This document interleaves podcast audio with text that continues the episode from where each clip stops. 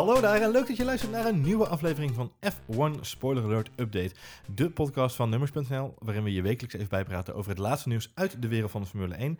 Mijn naam is Johan Voets en ik zit hier natuurlijk niet alleen. Net zoals altijd zit tegenover mij Marjolein. Hey, hallo. Of moet ik zeggen Marjolein Rijkonen. Ik heb een zonnebril opgedaan. Maar waarom? Vond ik, nou, het is eigenlijk voor Kimi. Statement. Ja, statement. We gaan het zo even over Kimi hebben inderdaad. Ja. Hey, het is vandaag de 33ste aflevering van F1 Spoiler Alert alweer. En ja, als Nederlanders met onze oranje bril moeten we natuurlijk wel openen met wat nieuws over Max Verstappen. Gaan we het alleen maar over Max Verstappen hebben in de 33ste aflevering? Zouden we zomaar kunnen doen. Maar er is zoveel meer te vertellen, Marjolein. Het is een drukte van je welste in de paddock. Jongen, jongen, jongen, jongen, jongen. Zullen we bij, eh, bij Max beginnen? Ja, lijkt me een goed idee. Eh, Max is voorlopig niet welkom bij Mercedes of Ferrari. Dat stelt Bernie Ecclestone deze week. En Eh, wie kan het weten? Wereldkampioenen Sebastian Vettel en Lewis Hamilton hebben hun veto uitgesproken tegen Max Verstappen. Dat denkt hij tenminste. Eh, en dat zegt hij in de nieuwe podcast van niemand minder dan Nico Rosberg. Heeft Nico Rosberg nu ook al een podcast? Je moet, je moet iets doen. Serieus? Ja, Dus en aan het vloggen en een podcast. ja, een vlogkast. Want hij neemt ook video op gelijk. Dus hij combineert het. Ik vind, nou goed, ik Wel vind handig. het een figuur, jongen, die Nico Rosberg. Ja, het, is een, het zijn multimediale talenten. Eh, Ja. Hij wordt wereldkampioen eh, multimedia als hij zo doorgaat. En dan stopt hij Zeker. waarschijnlijk gelijk als hij dat Maar haalt. hij had eh, Bernie. Bernie is in, Ja. de, in de uitzending. Bernie Man. Ehm, wat, wat leuk is, is Bernie Ecclestone zat in zijn podcast. Die heet Beyond Victory. Wat op zich logisch is, want voorlopig is Nico Rosberg ver Beyond Victory. Ehm, en wel weer grappig, want de Formule 1 podcast, de officiële Formule 1 podcast, heet Beyond the Grid. Dus ik zie daar toch een beetje overlap in naamkeuzes. En dat gaat over 1 allemaal gepensioneerde oud-Formule 1-medewerkers. Vandaar dat Nico Rosberg Ja, Bernie Ecclestone in de show had. exact. Dus dat eh, twee oud Oké. Formule 1 eh, mannetjes bij elkaar. Eh, Bernie Ecclestone zegt dat... Establishment trappen. Ja, precies. Lekker rebelleren.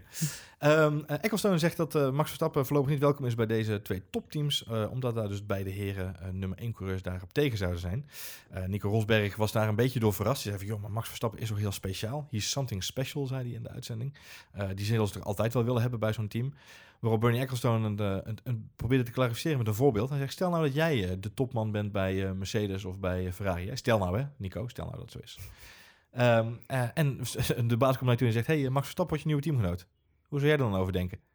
Waarop Nico Rosberg zei: Ja, ja zo, zo, snap ik het dan wel weer.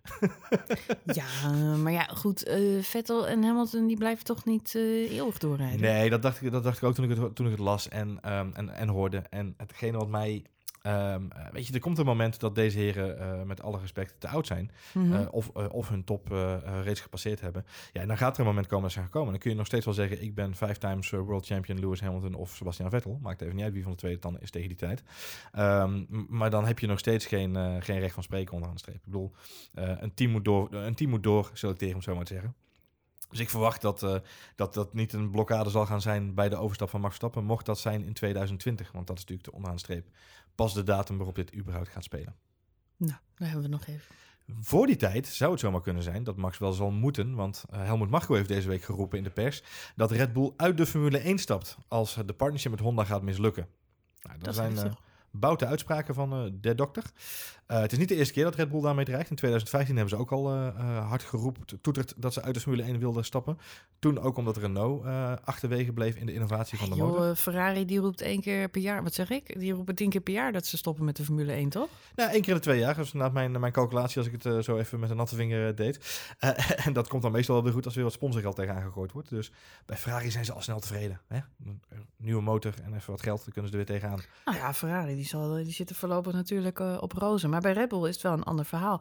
En eh, ja, ik kan me best voorstellen, die Honda die moet natuurlijk wel iets op gaan leveren. Anders dan zitten ze inmiddels hoeveel jaar zonder een wereldtitel?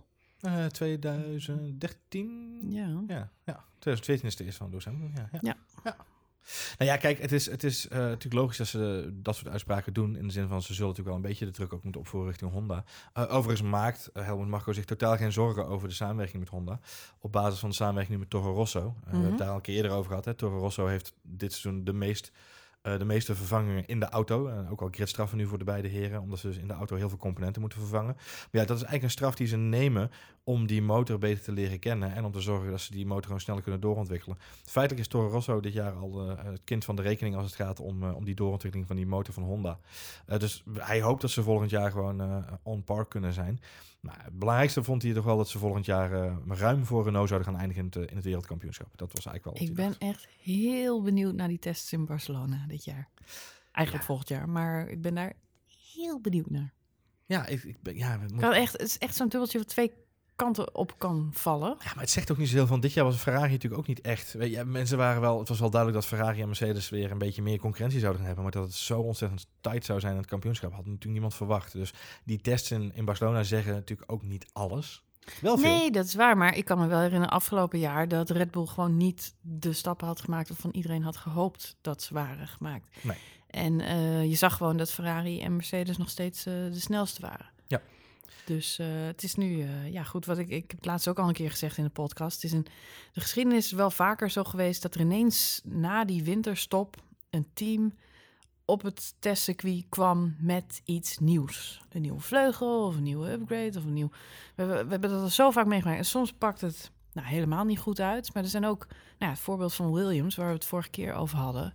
Ja. Uh, die met uh, nieuwe aerodynamica kwamen ooit in de jaren 70 of 80. Ik was er niet bij, dus uh, ik weet het niet. maar um, lang geleden. En nou, ineens wonnen ze alles. Echt elke race, alles. Ja. En alle teams waren alleen maar jaloers. En iedereen probeerde zo snel mogelijk die vleugels in die toestanden na te bouwen.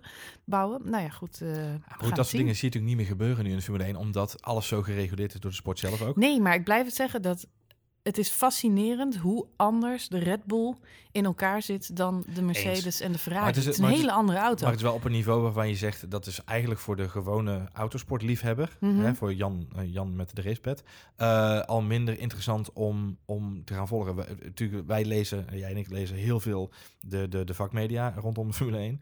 Uh, dan ga je inderdaad op, op, op curve niveau van een vleugel gaat er nu. Hè, de afgelopen weekend op Monza stond de vleugel van Ferrari iets bol, terwijl de, Ferrari, de vleugel van Mercedes iets hol stond. was mm -hmm. meer een luchtscoop, zeg maar.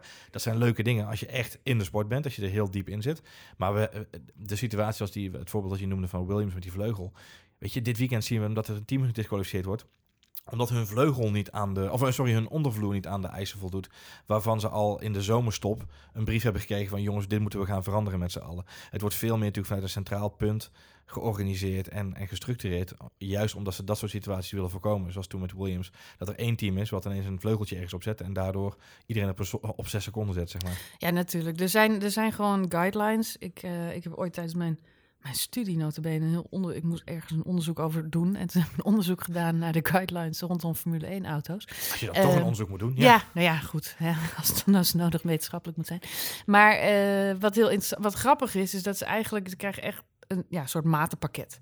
Dus je krijgt uh, te horen, de, uh, ja, zie je een Formule 1 auto maar als allemaal dozen. Dus de achtervleugel mag maximaal zo breed en minimaal zo breed. En de banden mag maximaal zo breed. Uh. Dus je krijgt van alles krijg je specs. En binnen die marges mag je zelf weten wat je doet. Dus op sommige plekken mag, we hebben in het verleden gezien, Jos Verstappen, die reed ooit met van die hele rare zijvleugeltjes, een soort ja.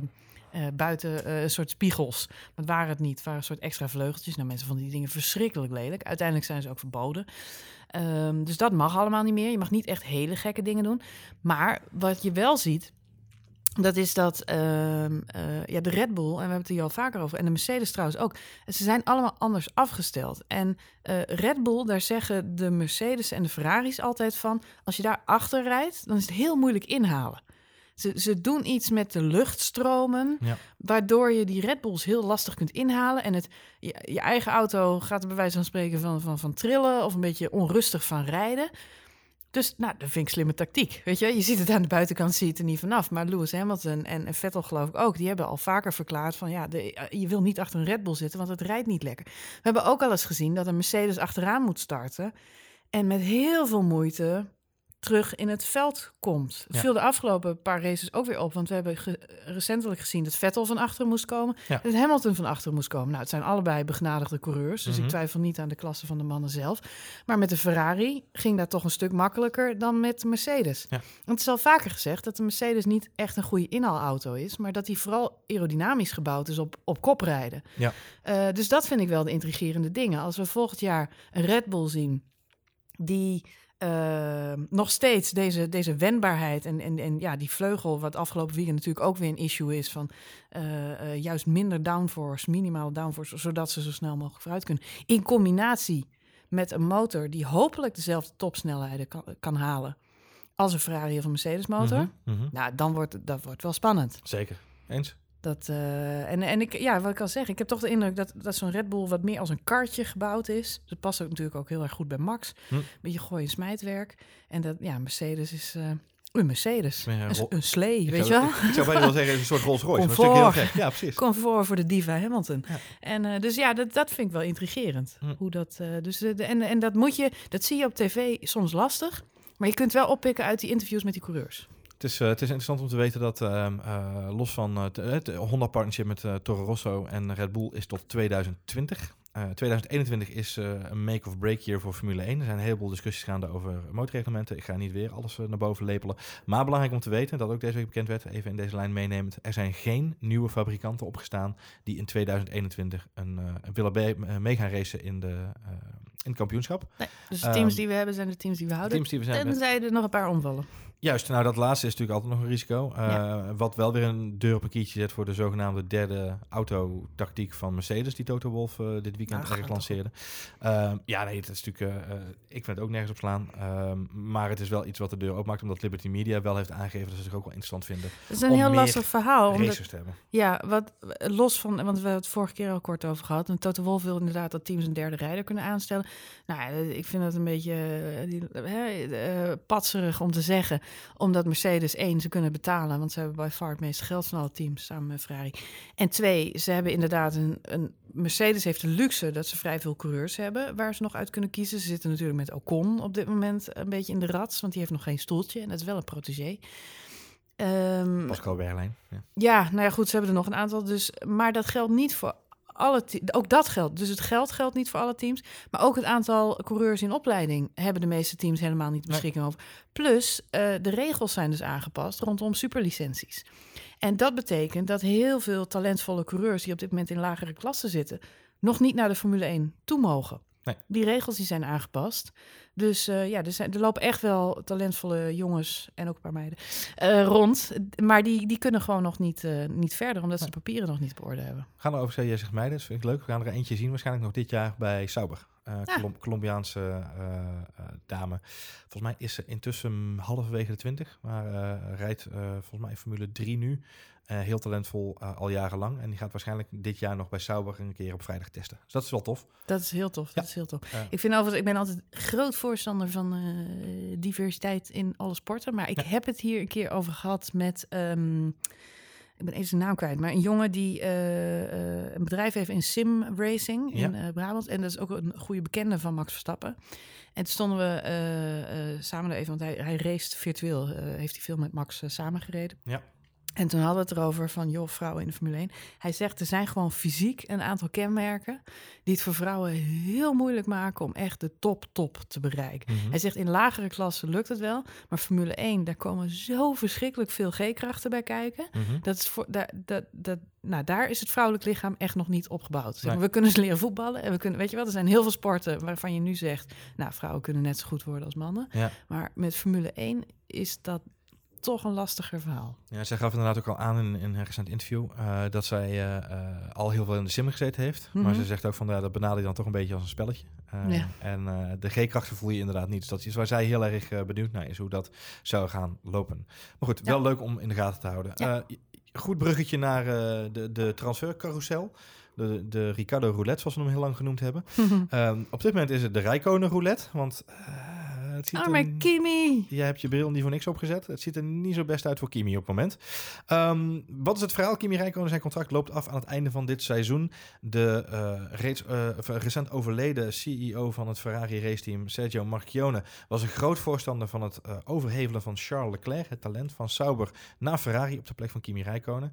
Met het overlijden van uh, Marchionne leek dat idee even in de koelkast te verdwijnen, omdat de nieuwe CEO van het team een goede vriend is van Kimi Räikkönen.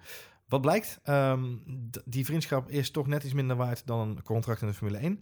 Uh, het schijnt zo te zijn dat Kimi al deze week te horen heeft gekregen dat zijn contract niet verlengd wordt en dat Charles Leclerc de overstap zal gaan maken naar het team van Ferrari.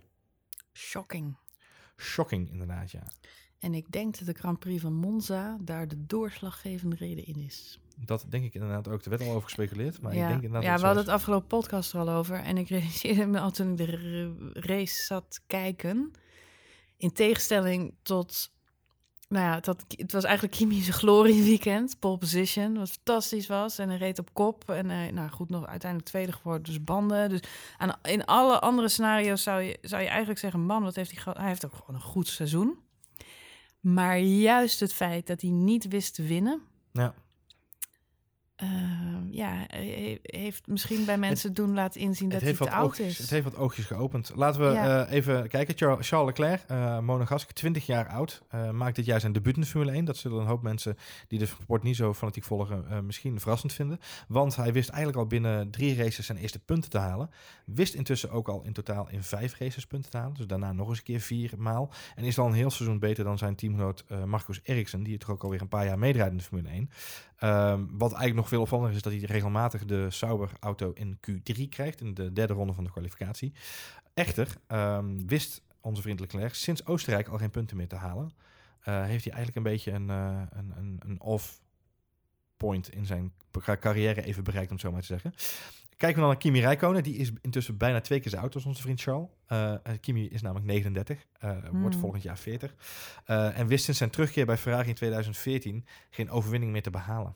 En ja, dat gaat je toch Ja. een beetje achtervolgen Ja, op een gegeven ja, moment. Ja, ja, ja. Maar ja, Dus- goed, de vraag, is, de vraag blijft wel... Kijk, het is natuurlijk ook niet de bedoeling dat Kimi zou gaan winnen. Het is de bedoeling dat Kimi eh Vettel kampioen maakt. We hebben al vaak gehad, wie is de ideale nummer twee? Mhm. En bekend is dat Vettel he- heel erg voorstander van Raikkonen is. Die wil gewoon een rustig persoon naast zich voor wie die eh, niet hoeft te vrezen. Nou, en een goede coureur die wel de punten binnensprokkelt. Dat is Raikkonen ook afgelopen weekend weer gebleken. Mhm.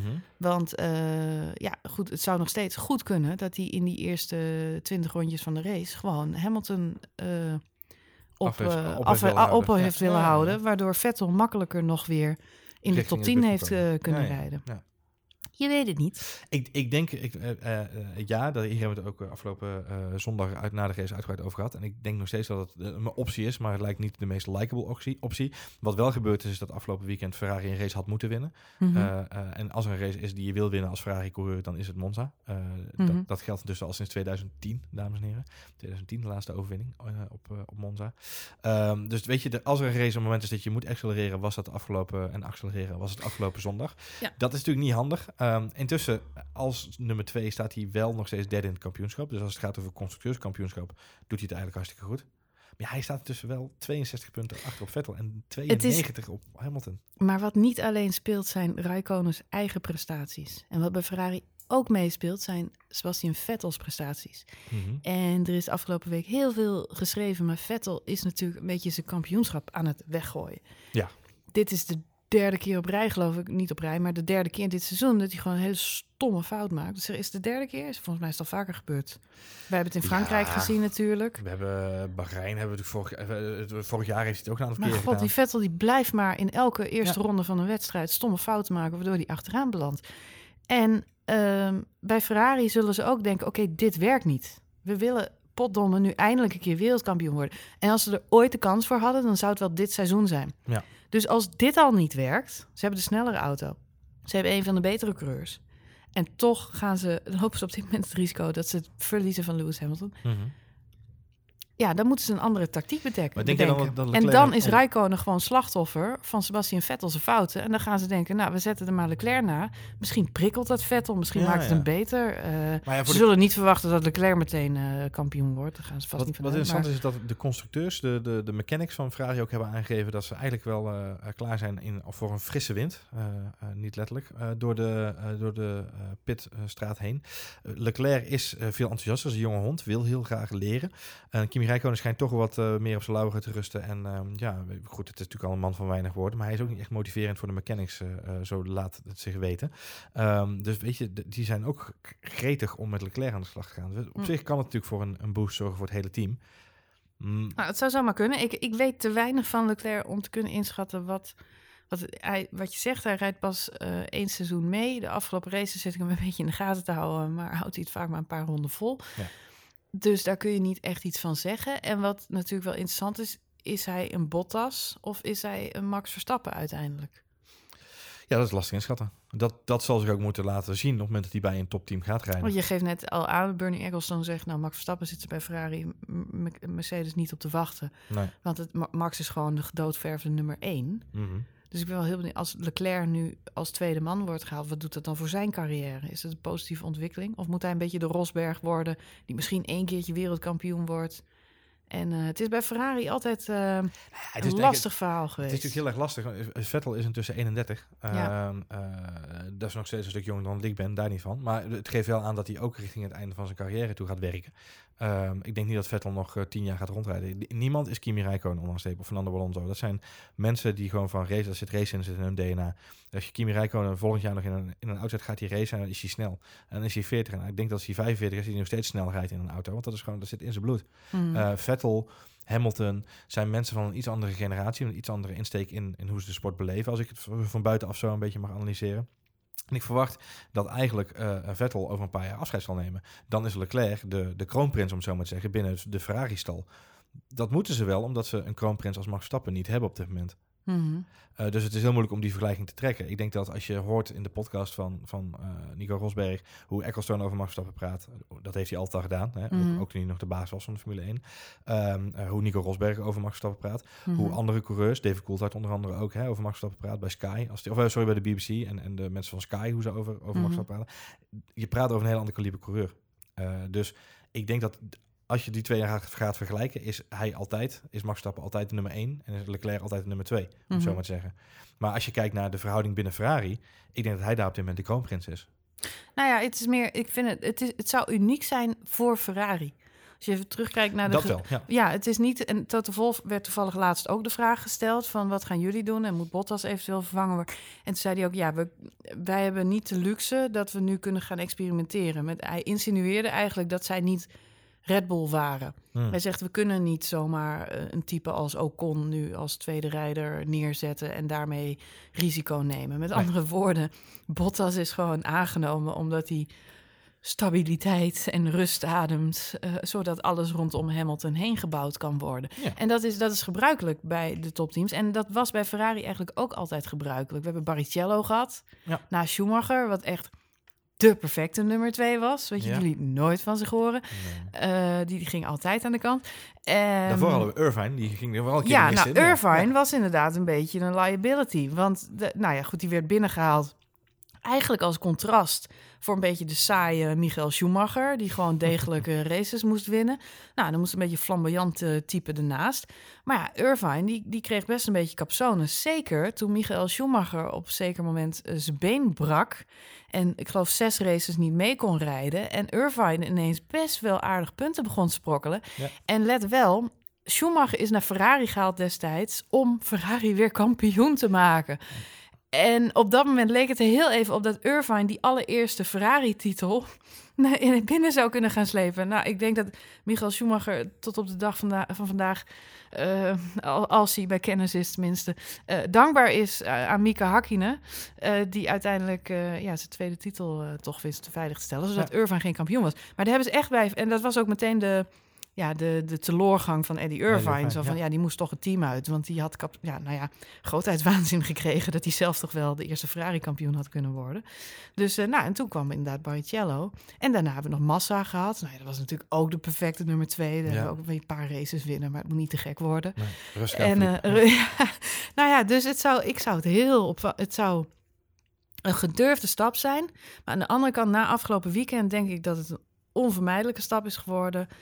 Kimi, ik ben fan van die man. Ik vind het perfect. Ik, zou, ik vind het doodzonde. Maar ja, aan de andere kant, ik wil Kimi volgend jaar ook niet bij McLaren of bij Williams of bij zo'n but-team zitten. Ik hoop dat Kimi gewoon lekker de hele dag gaat blowkarten in zijn achtertuin eh, volgend jaar. En niet eh, nog eh, in een of ander prutteam blijft Het zou, rijden. mij Omdat niet, hij ver- zo... het zou mij niet verbazen als Kimi overstapt naar Haas. Oh, ik zie het niet gebeuren. Ik vind het niks voor Kimi en ik zou het ook niet goed vinden voor, voor zijn afronding van zijn carrière. Ik vind het zo sneu dat toppers, zeg maar, dan als, hij, als hij de eer aan zichzelf houdt, stopt hij inderdaad nu. Dan, als het zo zou zijn, dan zou hij nu een eind aan moeten breien. Als, Ja. hij, als hij door zou willen Ah, gaan. goed, Kimi kan ook niet zoveel anders. Hè? Je hebt veel... Nou, neem Nico Rosberg met zijn blogs en zijn vlogs en zijn podcasts en zijn weet. toestandjes. Nou, het begint, begint Nou. Kimi Räikkönen wel een podcast. Die heeft gewoon de hele tweede carrière eruit gesleept. En er zijn talloze Formule 1 coureurs. Mieke Hakkinen, die is ambassadeur van, van Mercedes. Die zie je overal langslopen. En die, hij is manager van Bottas. En weet je, op die manier komen... Alesi, die rijdt, eh, wat rijdt die, Le Mans en allerlei dingetjes. Dus die is er Ja. ook altijd nog bij. Maar Kimi Räikkönen is natuurlijk gewoon een hele Norse...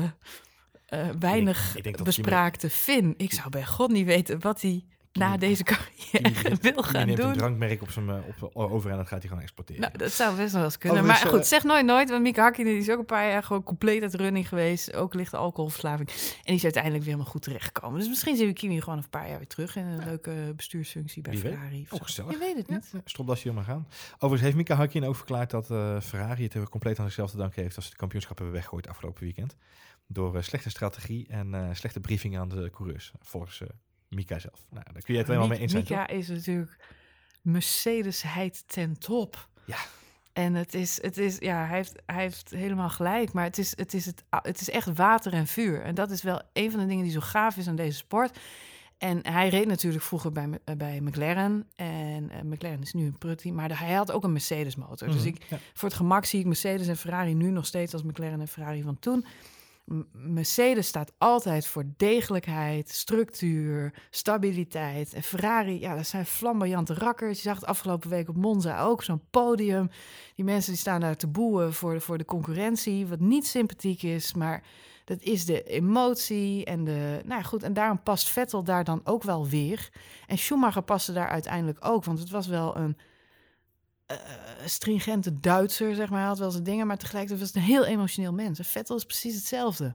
En dat, ja, goed, dat, dat, nou ja, goed, dat is de storyline die elke goede, ehm, eh, hoe noem je dat, saga eh, dient Moet te hebben. Ja. En, en dit is de saga van de Formule 1. De saga van de Formule 1, eh Ja. Hakkinen McLaren. Mooi bruggetje naar de vervanging van Stoffel van Doornen volgend jaar. Lando Norris eh, zat er al een beetje aan te komen. Zal volgend jaar het stoeltje van, eh, van Stoffel van Doornen overnemen. Tenminste, ik hoop dat hij een nieuw stoeltje krijgt. Want toch een beetje stoffig stoeltje worden. Na twee testdagen, eh, afgelopen vrijdagen, twee races achter elkaar, heeft hij op vrijdag getest. Ehm, is bekend geworden dat de 19-jarige Lando Norris bij McLaren zal gaan rijden volgend seizoen. Hij rijdt op dit moment op de tweede plek in de Formule 2. Maar wordt eigenlijk door iedereen wel gezien als een van de grootste talenten in die klasse. En een grote kans hebben op overwinning in de Formule 1. Wat natuurlijk ook wel helpt is dat eh, papa zijn bankrekening goed gevuld heeft. Dus hij neemt een zakje met geld mee. Eh, en sponsoren. Dat, eh, dat zal voor McLaren ook prettig zijn. heb Ehm, jij niet... Ik merk dat ik af en toe een beetje een ranke neus ben tegen nieuwkomers. Maar heb cynisch, jij, een beetje cynisch. nou ja, heb jij niet... Ik ben natuurlijk gewoon groot... Ik hoop echt dat Max Verstappen ooit wereldkampioen wordt. En liefst meerdere keren. Ja. Maar heb jij niet ook dat je... Als er dan weer zo'n nieuw 19-jarig jochie zeg maar aan kon zetten... dat je zegt, nou, eerst zien dan geloven. Nou ja, het is, kijk, het is... ehm, Voor hetzelfde gaat zijn het allemaal Fiat. ik, ik ga gewoon in de Formule 1 podcast ga ik een voetbalmetafoor trekken. Eh, ik, ik, ben- ik, ik kijk ook andere sporten, waaronder voetbal. eh, Nederlandse voetbal, zeg maar. Dus dan heb je... Ajax heeft een eh, hele goede spits. een Deense jongen, Casper Dolberg. Eh, jong talent, heeft een fantastisch eerste seizoen gedraaid en eh, leek eh, wereldtopper te worden. Werd Ja. gelinkt aan Real Madrid en dan Manchester United. En hij zou miljoenen gaan verdienen en topscorer alle tijden worden. Maar ja, en een Klaas-Jan Huntelaar, 35 jaar intussen, bakken met ervaring. Ja, weet je, die staat weer met gewoon nummer 1. Om tussen nummer 1 en de spits bij Ajax. Waarom? Nou, omdat hij gewoon uh, zijn goaltjes meepikt. Hij weet wat hij moet doen. Hij helpt het team een stukje omhoog. Het is niet zo simpel als zijnde alleen maar talent hebben. Het is, talent alleen is niet genoeg. Je moet iets meer brengen. Ik denk in de Formule 1 dat het zeker ook geldt. Uh, vandaar deze iets wat gekke uh, parabool tussen deze twee sporten. Um, maar ik denk dus dat het zo is dat een 19-jarige Lennon Norris is zeer welkom in de sport. Absoluut, eerst zien dan geloven. Zeker bij het team als McLaren. Maar ik denk wel dat het heel goed is dat er nu jongens van 19, 20 gebracht worden. Want die hebben twee, drie jaar nodig om te kunnen groeien, om te kunnen stappen. Uh, en dan die stap te kunnen gaan maken naar ja, het strijden om titels. Als je, kijkt, als je kijkt naar de achterkant, de, de, de oudere generatie, Fernando Alonso, 37. Um, uh, Kimi Räikkönen 39. Uh, de dertigers, uh, Grosjean, Vettel, Hamilton. Hamilton. zijn allemaal mensen die, nou het zal zijn, nog drie, vier jaar misschien top zullen zijn en mee zullen rijden om titels. Mhm. Mm -hmm. en misschien zelfs al eerder zullen stoppen. Ik bedoel, Lulu Hamilton heeft afgelopen week nog zijn nieuwe modemerk gelanceerd. Dus wie weet stapt hij wel gewoon compleet over in de couture. Uh, weet je, uh, uh, autocouture. het zou zomaar kunnen. als hij die keus maakt, dan is hij weg. en, en dan moet daar ook weer een vervanger voor zijn. Dus het is heel goed dat er, dat er hele jonge mensen nu instromen. en ik denk in dat opzicht dat het goed is dat Max Verstappen die, die kans gecreëerd heeft. We hebben natuurlijk nu wel de, de Verstappen leeftijdsgrens. Je moet minimaal 18 jaar zijn en je moet zoveel punten hebben op superlicentie en et cetera. Dus het is allemaal wel aangestrengd, aangestevigd, die, die, die, die rollen. Maar dat betekent wel dat mensen ook de teams zoals Mercedes en Toro Rosso en zo, of Red Bull, wel echt investeren in jonge talenten zo snel mogelijk naar boven toe brengen. Want ja, hoe jonger je kunt doorbreken, hoe beter. Maar onderaan de streep, weet je, Max rijdt natuurlijk nu dadelijk al vier seizoenen mee. Dus ja. Ja, nee, het is ook goed. En uh, pff, het, het, wat je zegt, er moet ook gewoon, er gaan mensen weg. En Lando Norris bij McLaren gaat voorlopig niet om een titel strijden, hoor, kan ik je vertellen. nee, daar heb je Bij McLaren rijden ze op dit moment nog in een doos met tissues, dus...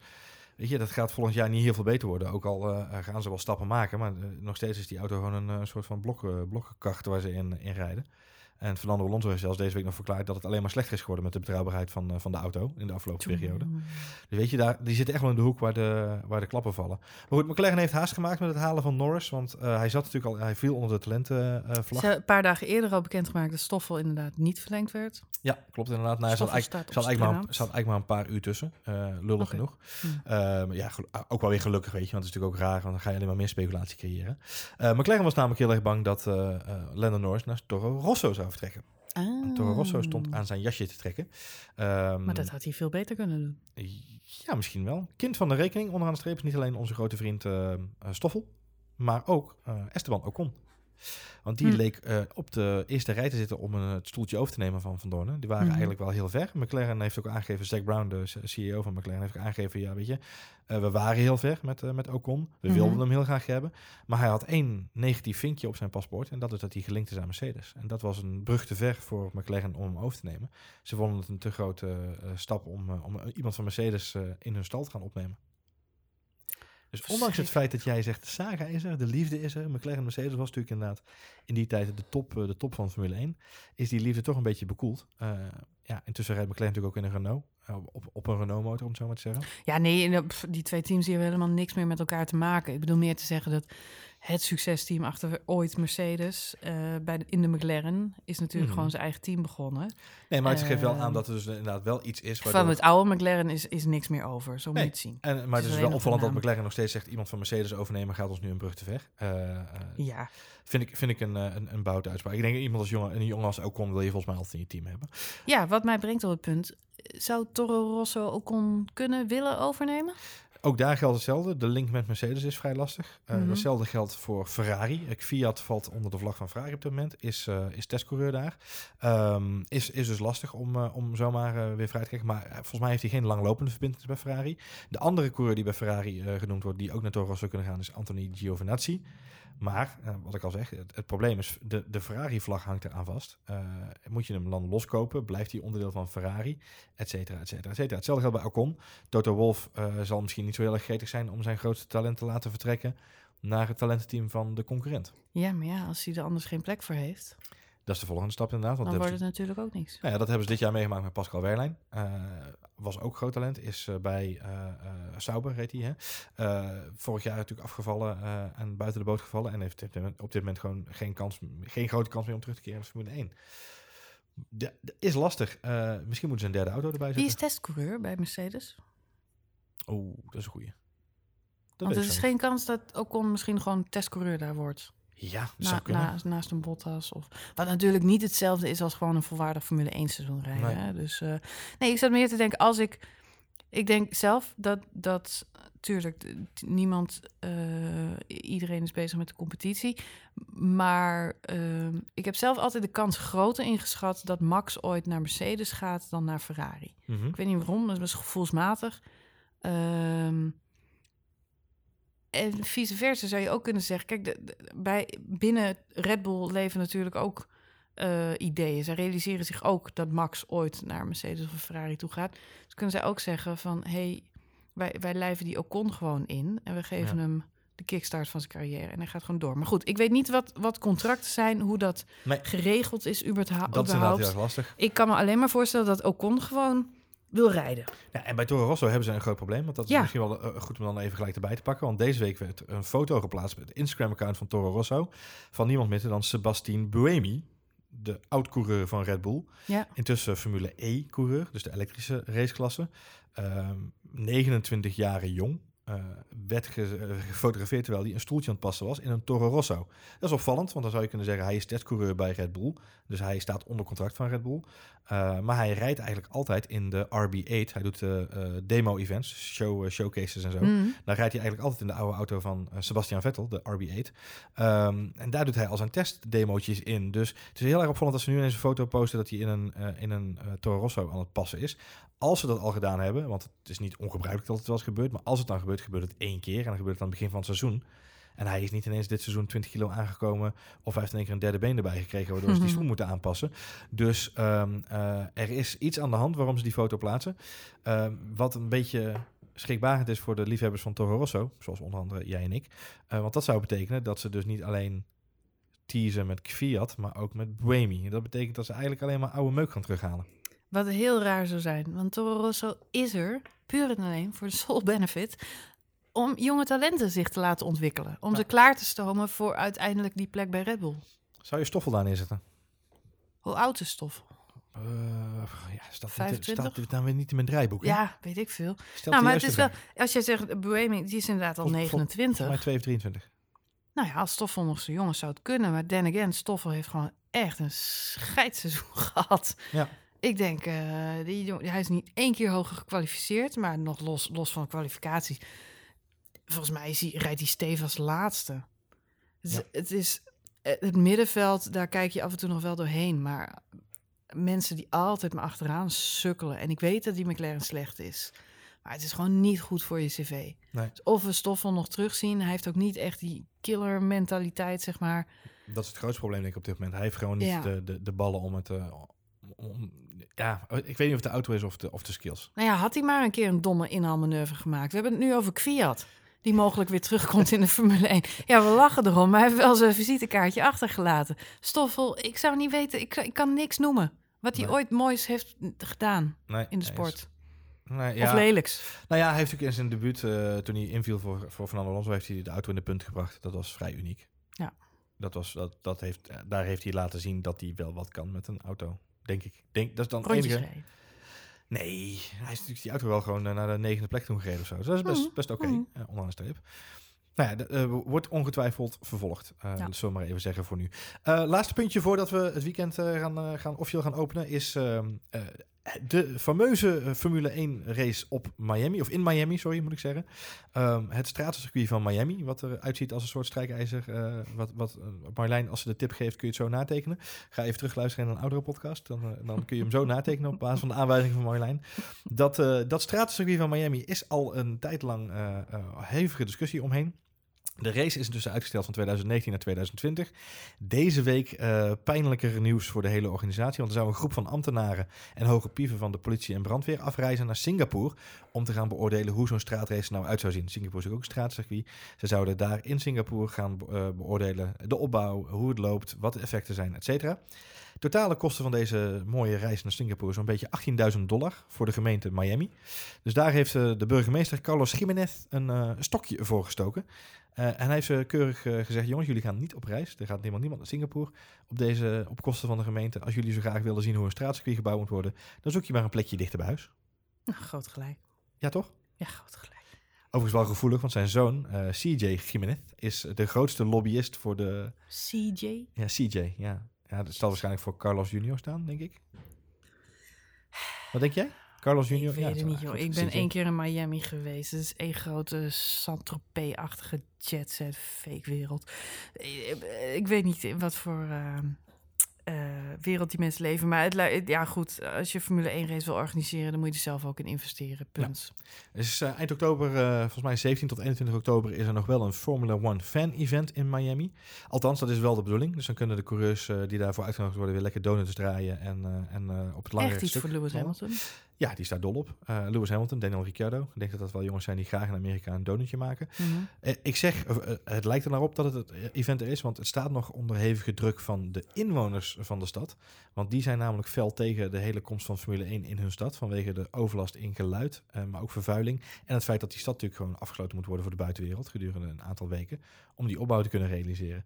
Dus niet alleen vanuit de politiek, maar ook vanuit de inwoners zelf is er een hevige discussie of er überhaupt wel een, een Formule 1 race in Miami gehouden moet gaan worden.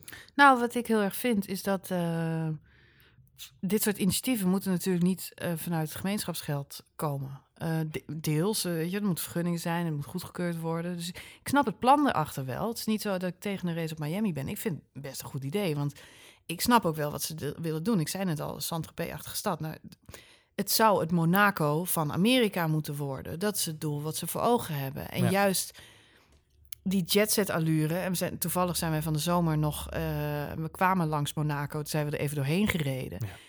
Nou ja, ik weet niet, voor de mensen die, er die er nooit zijn geweest... maar het is zo'n bizar, volgebouwd stukje grond. stadje. Ja. Ja. het zit helemaal, helemaal vol. En het staat op een berg, nou, richting eh, de zee. En elke vierkante centimeter staat een gebouw. Of eh, het, er staan ook geen huizen, het staan alleen maar flats en appartementen. Iedereen Ja. woont daar gestapeld. Ehm, dus het heeft eh, de, de, de allure van, van jetset en luxe. eh, minus de ruimte. Nou, als één ding eh, Amerikanen geen gebrek aan hebben, dan is het die ruimte. Dus nou, de business case is best wel goed. Als je daar alle belangrijke Amerikanen en celebrities en wat ze ermee willen, wat, Ja. wat Liberty Media natuurlijk wel heel erg voor ogen heeft, dat is daar haalbaar. Dus, ehm, dus ik ben er best voorstander van. Maar ik vind ook, daar moet je dan zelf ook eh, het bedrijfsleven bij betrekken. Ja. Zo'n 18.000 euro, dat kun je niet kosten van, eh van, van belastingcenten. Nou ja, Formule 1 in Amerika heeft gewoon een hele moeilijke eh, relatie op dit moment. Want ook de kalender voor 2019 staat Austin, de Grand Prix op het circuit of die Americana's, direct gepland tegenover een IndyCar race. Dus de IndyCar-organisatie, of, of, nou, of Indy of NASCAR, nou, nou begin je aan twijfelen. Maar in ieder geval ook een grote uit de andere raceklasse in Amerika, waarop Mhm. die raceklasse ook heeft gegeven, ja, dit geeft maar weer eens aan hoe verschrikkelijk ignorant, dus, eh, eigenwijs, de Formule 1 is ten opzichte van race in Amerika. Ze laten de fans weer kiezen, ga je naar de Formule 1 of ga je naar IndyCar slash NASCAR ja, dat races. is dom. Eh, het is gewoon heel erg dom. Dus het, blijft een beetje een haat-liefde verhouding daar in Amerika. Eh, om eh, eh, eh, maar aan te geven dat eh, Liberty wel naar je geluisterd heeft. Ze hebben besloten om het grootste deel van die ambtenaren alsnog over te vliegen en de kosten daarvoor eh, in, eh, in rekening te brengen eh, bij zichzelf. Met andere woorden, eh, de, de F1-organisatie betaalt de reis alsnog voor de hele club. Mensen. Dus ze gaan alsnog. Een groot deel wel. Ja. Nou ja. Dus eh, lange vinger naar de Nou, maar burgemeester. dat, nou, helemaal geen lange, de, lange. De burgemeester trekt een lange vinger naar de Formule 1. Exact. Want die heeft gewoon, eh, natuurlijk, hij heeft eh, groot gelijk. En nu hoeft hij het niet te betalen en ze gaan alsnog. Goed, dus, goed eh, gedaan, win-win. voor, goed gedaan voor de burgemeester. Ja, ik, ik moet het allemaal nog zien, die, die race dagen in, eh, in Miami. Ik, ik blijf het een beetje met argusogen volgen. Voor nu eh, eh, zijn we door het nieuws heen, Marjolein. Of heb jij nog iets leuks te melden? Is er al bekend van Kimi Räikkönen? Heb je al iets? eh, nee? Zal ik even de, Ja, pak de even live de laatste update, eh, dingen? Ja, je weet het niet. Even de headlines. Vorige, keer- vorige week hadden we een podcast opgenomen en net nadat we klaar waren werd bekend dat de Haas de Haas- gedisqualificeerd ja, was. was inderdaad, ja. ja, ja, ja. Nou, je kijkt even Oh, op je oh ja, nou dat is nieuws. Dat is nie- nee, niet over Kimi. Oh, som. Ik heb wel ander nieuws. Horner heeft in een interview verklaard dat het uitgesloten is dat ze Esteban Ocon gaan tekenen bij Toro Rosso. Kijk, nou, dat is duidelijk. Dus dat geeft eh, antwoord op de vraag waar we het net over hadden. Nou. Ocon definitief niet naar Toro Rosso. Wat in de lijn der verwachtingen lag. Gaan we hem daarmee afsluiten, Marjolein. Bedankt eh, voor je bijdrage weer. Tot zover deze aflevering van F1 Spoiler Alert. Wil je geen aflevering missen of oude aflevering terugluisteren? Check dan even nummers.nl slash spoileralert. Daar vind je alle apps waarin we te vinden zijn met onze podcast. En kun je ook de oude afleveringen gelijk even terugluisteren. Ehm, binnenkort zijn we ook te beluisteren via Spotify. En dat vind ik persoonlijk wel heel erg tof. Dus als dat je favoriete app is om je podcast via te luisteren, hou dat dan zeker even in de gaten. Wil je reageren op deze podcast, dan kan dat het snelst via Twitter naar @johanvoets of @marjolein met een lange ei. Voor nu, bedankt voor het luisteren en tot de volgende keer.